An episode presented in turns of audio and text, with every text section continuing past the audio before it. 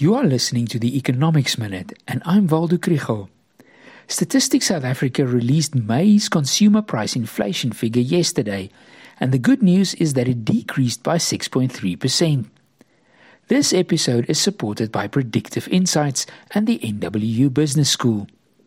The important driver of inflation is still food prices, but these two have increased more slowly.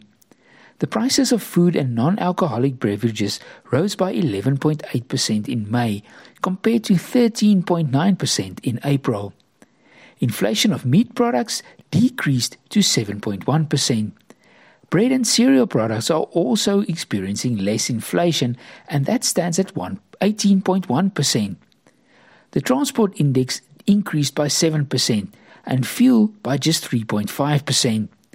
It is therefore important to understand that prices are not falling, but they are rising at a slower rate.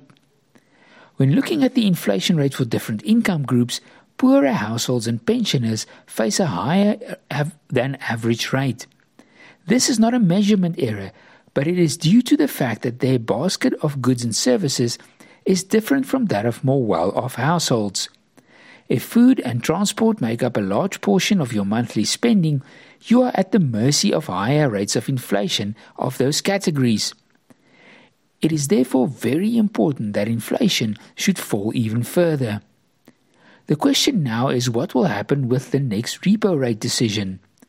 Inflation is falling, services inflation was unchanged, and the core inflation rate was a little lower. These are all positive things. The Reserve Bank will continue to be concerned about wage agreements for percentage increases above the target band, such as the recent 7% to Eskom employees. The volatility of the rand also remains a risk, although it is trading stronger. The markets expect another 25 basis point increase. Yet, with the poor state of the economy, the door is now a little open for the Reserve Bank to pause like the American Fed and to see what happens and whether inflation continues to decline.